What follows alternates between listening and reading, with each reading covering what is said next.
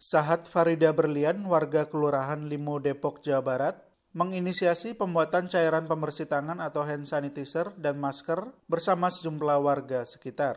Inisiasi itu muncul seiring kelangkaan dan mahalnya harga kedua barang tersebut. Ia juga menuturkan banyak menerima aduan dari warga yang panik karena wabah COVID-19.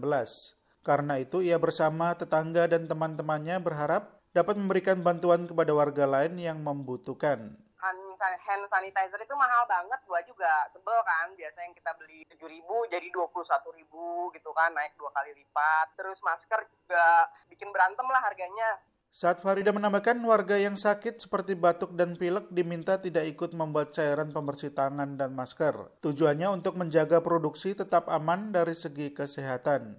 Selain membuat cairan pembersih tangan, Sahat juga akan memproduksi seribu masker. Produksi tersebut nantinya akan dibagikan oleh sejumlah warga yang bergabung dalam grup Depok Lawan Corona. Pembagian akan dibarengi dengan edukasi tentang bahaya dan pencegahan COVID-19. Dalam pembuatan masker, Sahat dibantu oleh pengusaha konveksi Hendro Rahman Dani yang tinggal di Bekasi, Jawa Barat. Menurut Hendro, ia bersedia karena pembuatan masker tersebut untuk tujuan sosial. Karena itu ia tidak membebankan ongkos produksi untuk pembuatan masker. Gua ngecek di pasar, beli di pasar, itu harga bahannya udah udah jelek banget, itu harganya udah 7000 7000 yang sekali pakai gitu kan. Nah, Hendra berharap produksi masker miliknya yang akan dibagikan gratis ke masyarakat dapat membantu mengurangi potensi penyebaran COVID-19, terutama bagi warga yang kurang mampu dan bergantung pada upah harian. Produksi cairan pembersih tangan gratis juga dilakukan Fakultas Kedokteran Universitas Indonesia atau FKUI. Menurut Dekan FKUI, Arif Arialsam, total ada 600 liter hand sanitizer yang diproduksi pihaknya dengan biaya patungan masyarakat UI.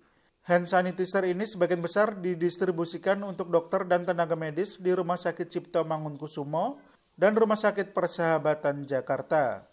Namun untuk pengelolaannya sekarang diserahkan kepada Ikatan Alumni UI karena semakin banyak masyarakat yang membutuhkan. Kendati demikian, Arif Haryal mengimbau masyarakat berhati-hati dalam membuat hand sanitizer secara mandiri karena mengandung bahan-bahan kimia. Apa yang akan kita buat ini oleh Departemen Kimia ini adalah sesuai dengan rekomendasi WHO. Jadi mengandung alkohol 96%, kemudian campuran gliserol dan juga campuran H2O2 dan pewangi ya gitu ya untuk agar ini uh, menjadi wangi apa namanya uh, dari hand sanitizer ini. Dari Jakarta, Sasmito Madrim melaporkan untuk VOA Washington.